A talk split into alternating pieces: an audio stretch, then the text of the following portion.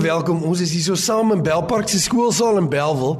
Ons is 'n gemeente van die wynstok want Jesus is die wynstok en uit hom is ons vrug en ons is uh, bevoorreg om saam met u te kan wees vanoggend en ons verlange is dat die Here ook so geëer en verheerlik sal word in ons samesyn vanoggend. Kom ons loof en prys die Here.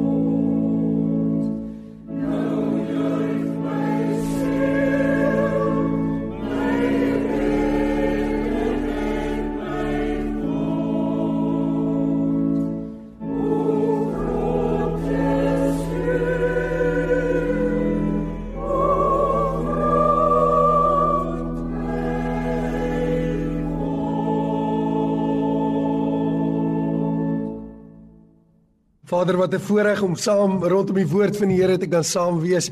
Ons gebed vandag is dat U U woord sal oopmaak en dat U ons harte sal raak en dat U met ons sal praat. Here, en dat U lewend sal bring en sal openbaar U self sodat nie een van ons wat hier luister dieselfde sal wees na vanoggend nie. Dankie Here dat U weet watter krisis elkeen wat luister en sit, watter situasie, watter opgewondenheid, watter vrees. En ons wil vir U vra dat U U self vir ons sal wys. Ons vertrou U deur die Heilige Gees. In Jesus se naam. Amen. Ons lees twee skrifgedeeltes, al twee is dieselfde geleentheid. Die een is Lukas se weergawe, die ander een is Matteus se weergawe van Jesus se sterwensmomente. Ek lees in Lukas 23 vers 46 wat sê: En Jesus het met 'n groot stem uitgeroep en gesê: Vader, in U hande gee ek my gees oor. En toe hy dit gesê het, blaas hy die laaste asem uit. En toe die hoofman oor 100 sien wat daar gebeur, het hy God verheerlik en gesê: "Waarlik, hierdie man was regverdig." Matteus 27 skryf van dieselfde gebeure. Daarop het Jesus weer met 'n groot stem geroep en sy gees gegee. En kyk, die voorhangsel van die tempel het in twee geskeur, van bo tot onder, en die aarde het gebewe en die rotse het geskeur. En toe die hoofman oor 100 en die wat saam met Jesus bewaak het, die aardbewing sien, en die dinge wat gebeur het, het hulle baie bevrees geword en gesê: "Waarlik, hy was die seun van God." Weet jy as ons oor die kruis gesels, dan is die sentrum van die kruisboodskap altyd dat Jesus in ons plek sterf. Ons verdien nie dood, die mens verdien nie dood. Die mens is in sonde vasgevang en God het 'n paaslam gestuur, 'n lam om in ons plek te sterf. Dis die kern van die kruisboodskap, dis die kern van die goeie nuus dat God het vir ons 'n dood berei. God het 'n dood berei in my plek, die paaslam. En ek onthou by geleentheid moet ek 'n paas boodskap by 'n skool, 'n laerskool bring. En ek dink by myself, hoe gaan ek verduidelik die plaasvervangende sterwe van Christus vir hierdie klomp kinders? En ek dink die beste gaan wees met 'n illustrasie. Die illustrasie is dat ek gaan 'n paar seuns kry om my sommer te help en dan 'n reël daar stel. En seker maak hulle oortree die reël wat nie moeilik is met seuns nie. En soos wat hulle dit doen, sit ons die straf voor die tyd vas. En die straf is dat die hoof hulle 'n paar houe met 'n rotang slaan. En so gesê so gedaan, hulle doen dit en hulle maak die fout en hulle staan skuldig voor die hoof en dan kom ek in as die middelaar en ek vat die pak in hulle plek. Nou ek het 'n paar broeke aangetrek die oggend net om uh, seker te maak dat die die straf kan dra en ek het die hoof oorgehaal om my voor die skool te slaan. Hy was aanvanklik huiwerig maar hy toe later ingewillig om dit tog te doen. Maar ek en hy het tog 'n verstandhouding gehad dat hy met matigheid dit baie realisties sal doen. Maar toe het hy my daai oggend afgestof voor daai skool hoor. Nou ek weet nie of daai kinders onthou dat Jesus het in hulle plek gesterf na daai boodskap nie. Maar ek het dit tot vandag toe nie vergeet nie. Nou ons gaan nie vandag kyk na Jesus se plaasvervangende dood in ons plek nie. Hoe kern en hoe lieflik dit is in die evangelie. Nee, vandag gaan ons kyk na die laaste momente in Jesus se kruisgebeure en hoe die kragte deur hoe Jesus sy kruis gedra en dit deurleef het watter krag dit gehad het. Op die mense wat gekyk het en baie spesifiek op een man wat ook die eerste bekeerling was na die kruis van Jesus. Ons gaan kyk na die hoofman oor 100. Ons gaan kyk na hoe hy lyk. Hoe 'n man hy 10 teen 1 was Wat is sy profiel as die wêreld dan vra wat is sy profiel? Kom ons kyk na hom. Die Romeinse weermag het bestaan uit 25 legioene sê die geskiedenis vir ons. En elke legioen het 6000 soldate gehad wat self op sy beurt onderverdeel is in afdelings van 1000 soldate elk. En daai 1000 soldaat afdelings is verdeel in 10 groepe, elkeen van hulle van 100. 10 groepe leerafdelings van 100 soldate en dan was daar een hoofman oor 100 oor hulle. Hy was 'n gesoute soldaat, iemand wat hom bewys het in die oorlog, iemand wat hom bewys het op die slagveld en daarom het hulle hom aangestel oor 100. Jy weet die hoofmanne oor 1000 was politieke aanstellings. Die hoofmanne oor legioene was uit Rome uit politieke aanstellings, maar die hoofman oor 100 was 'n natuurlike leier, 'n soldaat wat geweet het wat hy doen. Hy het geken oorlog, hy was gehard. Hy het dood geken want hy het dit baie al gesien. Hy het oorlog geken, hy het dit baie al gesien en bloed het hy geken. Ook hierdie hoofman was nie ongekend, jy weet jy, hy het letterlik al honderde indien nie wel duisende kruisigings in sy tyd deurgevoer, suksesvol. Hy was gesout in wat hy gedoen het. Hy was verhard en ek is doodseker hy was baie afgestomp want jy kan nie daai tipe bloed sien. Jy kan nie soveel teregstellings doen sonder om afgestomp te raak nie. En dan dan gebeur wat hierdie nag en hierdie dag gebeur het. En dit wat hy hier gesien het, ruk hom, die kruisdood van Jesus.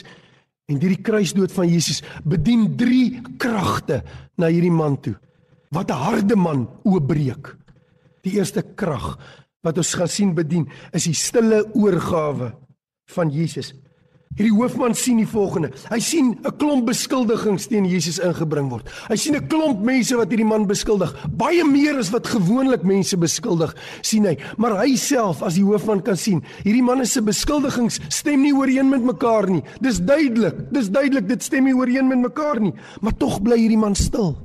Hierdie man hou aan soos 'n pak wolwe om hom te beskuldig en te beskuldig, maar hy sê niks nie. Hy bly stil.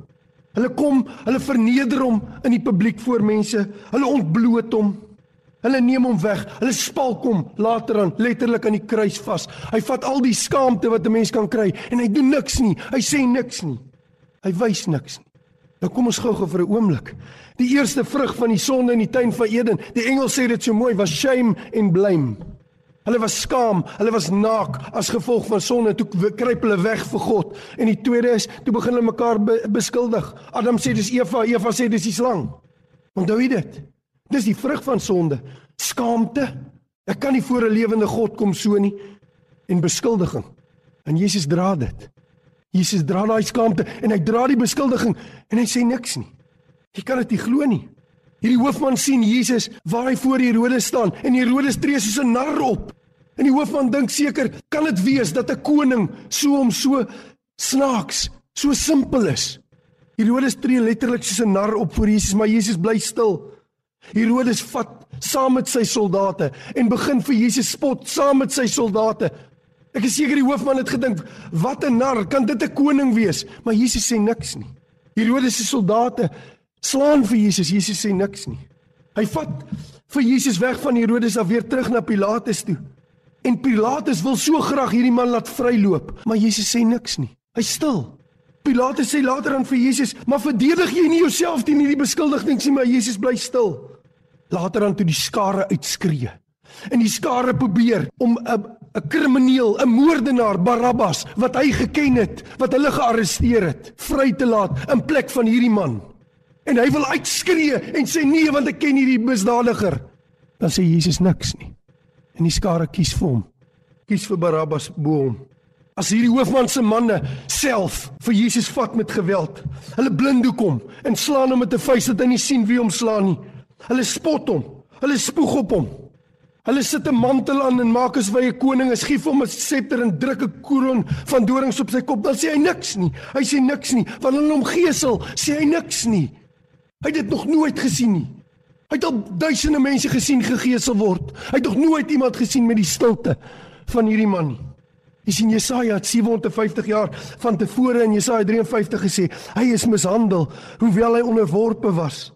Het hy sy mond nie oopgemaak nie soos 'n lam wat na 'n slagplek toe gelei is soos 'n skaap wat stom is voor sy skeerders. Ja, het hy sy mond nie oopgemaak nie. Hierdie man het nie vir Jesaja geken nie, maar hy het dit gesien. Hy sien dit voor sy oë, dit wat Jesaja gesien het. Hy word gegeesel. Maar anders as die ander twee wat daai dag daar is, wat soos maar varke skree, wat spoeg en vloek en dreig, doen hy niks nie. Jesus doen niks nie. Petrus, wat dit self gesien het, skryf omtrent 30 jaar daarna oor hierdie gebeure. Hy sê hy wat geen sonde gedoen het nie. Toe hy uitgeskel is, het hy nie terug uitgeskel nie. Toe hy gelei het, het hy nie gedreig nie maar hy het alles oorgegee vir hom wat regverdig oordeel. Die hoofman sien alles, maar hierdie man is so anders as al die ander mense die vorige gekruisigdes in in die chaos rondom die kruis. En alles wat daar gebeur en die mense wat rondom staan, is die twee manne aan weerskante van Jesus met die kruis moeilik. Hulle is besig om vloeke af te roep. Hulle is besig om te skree. Hulle is besig om te dreig. Maar dit maak niks aan hom nie want hy ken dit en hy weet dit, al daai dreigemente. Maar die kruis in die middel, daai man is doodstil. Vir 6 ure hang hy. En hy sê net 7 keer iets. En die eerste keer, toe hy na hom met sy volle samewerking in die kruis vasgespijker het, toe hoor daai hoofman, hy sê Vader, vergeef hulle, want hulle weet nie wat hulle doen nie. En dit ruk hom. Dit ruk hom hierdie man se oorgawe. Hy het dit nog nooit gesien nie. Hy het nog nooit hierdie stilte gehoor en gesien. Die krag van stille oorgawe aan die kruis nie. Ek dink aan Efesiërs 5, weet jy? Efesiërs 5 vers 2 sê: "Wandel in liefde soos Christus ons ook liefgehad het en hom vir ons oorgegee het as 'n gawe en 'n lieflike geur vir God." Ek weet nie van hierdie hoofman nie, maar ek dink iewers het hy 'n geur gekry. Teenoor die geur van die dood wat rondom die kruisiging geheers het, het hy 'n geur gekry van Christus wat so anders was. Hy het dit nog nooit beleef in sy lewe nie. Ek dink aan Efesiërs 5 wat verder gaan wat sê manne, julle moet julle vroue lief hê soos Christus ook die gemeente liefgehad het en homself daarvoor oorgegee het. 'n Oorgawe wat met stilte gebeur het. Hierdie man sien dit maar is verder as 'n tweede krag wat deur die die kruis na om toe werk 'n tweede krag en dis die krag van die gewilligheid van die neerlegging die eerste was die krag van 'n stille oorgawe die tweede een was gewillige neerlegging anders as die ander anders as al die ander wat ge, gekruisig en gegeesel is voorheen En ook hierdie ander twee wat saam met hom was, anders as dit, stribbel hy nie teen nie. Jesus ruk nie los nie. Hy maak dit nie vir die soldate moeilik nie. Nee, hy gaan lê gewillig. Hy weet nie. Die hoofman weet nie dat Jesus maande gelede gesê het sê Johannes 10 vir ons dat niemand neem my lewe van my af weg nie. Ek lê dit neer het Jesus gesê en ek neem dit weer op. Maar hy het dit nie gehoor nie, maar hy sien dit. Hy sien dat hierdie man lê sy lewe neer. En as die ander skreeu en spartel en vier soldate nodig is om hulle vas te druk. Hy het dit al baie keer gesien. Hy het al gesien die sterkste ouens moet deur 4, 5 soldate vasgehou word om gekruisig te word. Maar nie hierdie man nie. Hy lê stil. Hy maak nie sy arms krom nie, hy maak sy palms oop dat hulle die spykers in sy polse kan slaan. Hy bring self sy bene nader aan mekaar dat hulle een spyker kan inslaan deur altoe sy voete. Hy het dit nog nooit gesien nie. Hy was nie daar in Getsemane toe Jesus in van sy laaste woorde vir sy disippels gesê het dat die seun van die mens word oorgelewer in die hande van goddelose mense nie. Hy was nie daar nie, maar hy het die hande gesien wat hom gegryp het. Hy het gesien die hande wat met Jesus hardhandig gehandel het. Hy het gesien die hande wat hom vernietig en uh, verniel het en misvorm het. Hy het daai hande gesien. Hy het gesien die hande wat hom geslaan het. As hy nie die hou gesien kom het nie. Hy het gesien die hande wat in 'n vals aanbidding voor hom gemaak het, 'n aanbiddingsgebaar gesit het. Hy het gesien die hande wat 'n stuk baard uit sy baard uit gepluk het. Hy het die hande gesien van sy soldate wat die doringkroon op sy kop vasforceer en die bloed wat daar uitspat. Die hande wat hom gegeesel het. Hulle het hy niks gedoen nie. Hy lê homself neer in die hande van goddelose mense. En dan dan gebreer 'n skrikwekkende duisternis. Hy het nog nooit so iets gesien van tevore in sy lewe nie. 'n Skrikwekkende duisternis, 'n alleen duisternis. Niemand weet wat gebeur nie. En dan breek die lig deur. Dan breek die lig aan. En dan as die lig weer kom, na 6 ure aan die kruis, dan roep Jesus met 'n groot stem uit. Die Bybel sê hy roep met 'n groot stem uit. Nou, wat maak dit so besonder? Wat maak dit so besonder? Wat maak dit dat hierdie hoofman oor 100 nooit gehoor het iemand wat met 'n groot stem uitroep nie? Weet jy wat? Dit gaan oor die kruisiging, dit gaan oor kruisigingsgebeure. Weet jy wat gebeur wanneer 'n mens gekruisig word? Gekruislinge, mense wat gekruisig word, sterf aan 'n gebrek aan suurstof. Ek het die naam gaan nalees wat hulle in die mediese term sê, ongelukkig kan ek nie daai naam uitspreek nie. Maar dit kom daarop neer, 'n gebrek aan suurstof. Wat gebeur as jy hang? Dit hang en jou organe begin een vir een deur 'n gebrekkige suurstof oppak. Eerste jou hart en jou longe. Jy kry nie genoeg suurstof na jou organe toe nie en jy versmoor stukkie vir stukkie. En daarom wat gebeur met mense, al bly hulle lank aan die lewe, verloor hulle dikwels hulle bewussyn aan die kruis. Hulle begin prewel en raak de mekaar. Hulle praat nie meer helder nie. Maar hier na 6 ure met 'n groot stem roep Jesus uit. Jesus is by homself, by sy volle positiewe, kragtig in oorwinning.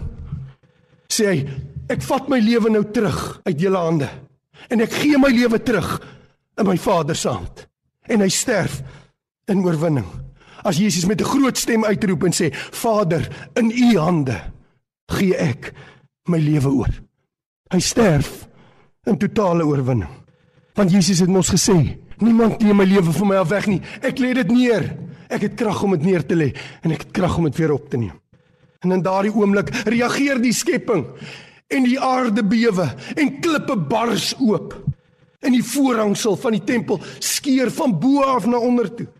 En in die chaos wat dit bring. En ek dink nie ons het 'n idee van die chaos wat daar gebeur nie. Wie wat gebeur daai oomblik? In daai oomblik kan die tempel nie meer funksioneer nie, want die allerheiligste is geskeur oop en net die hoëpriester mag een keer 'n jaar daarin gaan en almal is vreesbevange want hulle gaan dood neerval want die allerheiligste is oop. En in daai oomblik se chaos rondom die tempel wat begin opwerk teen Jerusalem en die chaos van die aardbewing rondom die kruis, sien die man, die hoofman oor 100, is die enigste man wat helder en duidelik sien wat gebeur. Hy sien Psalm 37 vers 6 wat sê hy sal jou onskuld laat deurbreek soos die son en jou reg soos die helder lig van die môre sê die nuwe vertaling daar.